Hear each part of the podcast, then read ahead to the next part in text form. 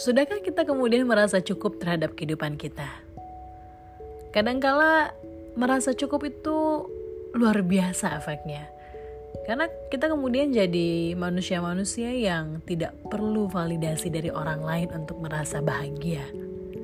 Bayangin, kalau kita nggak pernah ngerasa cukup, misalnya nggak cukup sama gaji yang kita dapat dari kantor, maka kita akan sibuk untuk melakukan ini dan itu, pindah sana dan pindah sini hanya untuk mendapatkan gaji yang lebih besar.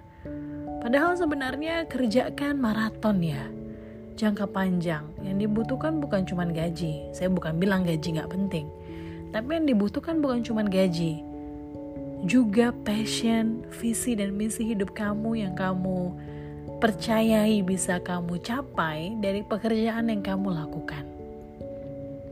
Atau misalnya ketika kamu nggak cukup terhadap pasangan kamu dan kemudian kamu butuh validasi dari banyak orang bahwa pasangan kamu keren, hebat, cukup setara sama kamu. Yang kemudian akhirnya kalau ternyata di sekeliling kamu itu tidak sesuai dengan ekspektasi kamu, misalnya tidak bilang bahwa pacar kamu keren, setara sama kamu, maka kamu sendiri akan menjadi orang yang bingung gitu. Dan ketika bingung berkelanjutan, mungkin saja kamu kemudian berselingkuh atau mengakhiri hubungan atas dasar pandangan atau validasi orang lain. Kenapa kemudian episode kali ini saya ngomongin soal cukup? Karena mumpung di akhir tahun, kayaknya kita mesti belajar menentukan standar cukup kita yang saya rasa akan sangat baik untuk memulai tahun depan alias tahun 2024. Mulai dari apakah kita cukup dengan apa yang kita punya saat ini?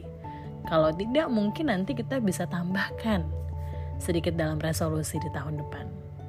Kemudian, apakah kita cukup dengan perubahan yang ada dalam diri kita sendiri? Sehingga nanti mungkin kita bisa bikin resolusi dari perubahan diri yang kita inginkan di tahun depan. Tapi kembali lagi, rasa cukup buat saya perlu hati-hati kita takar gitu. Cukup saya belum tentu sama dengan cukup orang lain. Dan kalau saya misalnya mengikuti standar cukup dari orang lain, maka saya akan tenggelam dalam samudera kehidupan yang tidak saya kenali. Padahal kehidupan sendiri kan sudah begitu memilukan, penuh dengan kesedihan gitu ya. Dan ketika saya larut dalam samudera yang tidak saya kenali, maka saya akan semakin sedih. Apalagi itu karena saya misalnya menetapkan standar cukup saya dengan standar cukup orang lain.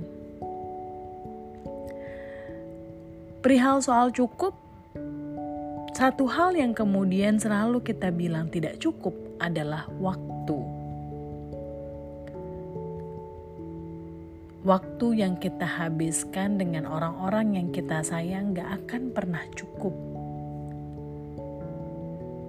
Tapi waktu yang kita buang untuk sesuatu yang tidak kita sukai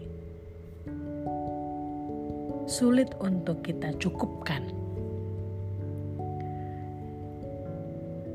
Kita banyak terjebak dalam hal-hal yang sejatinya bisa kita akhiri, tapi kita nikmati sehingga nggak pernah bisa cukup gitu.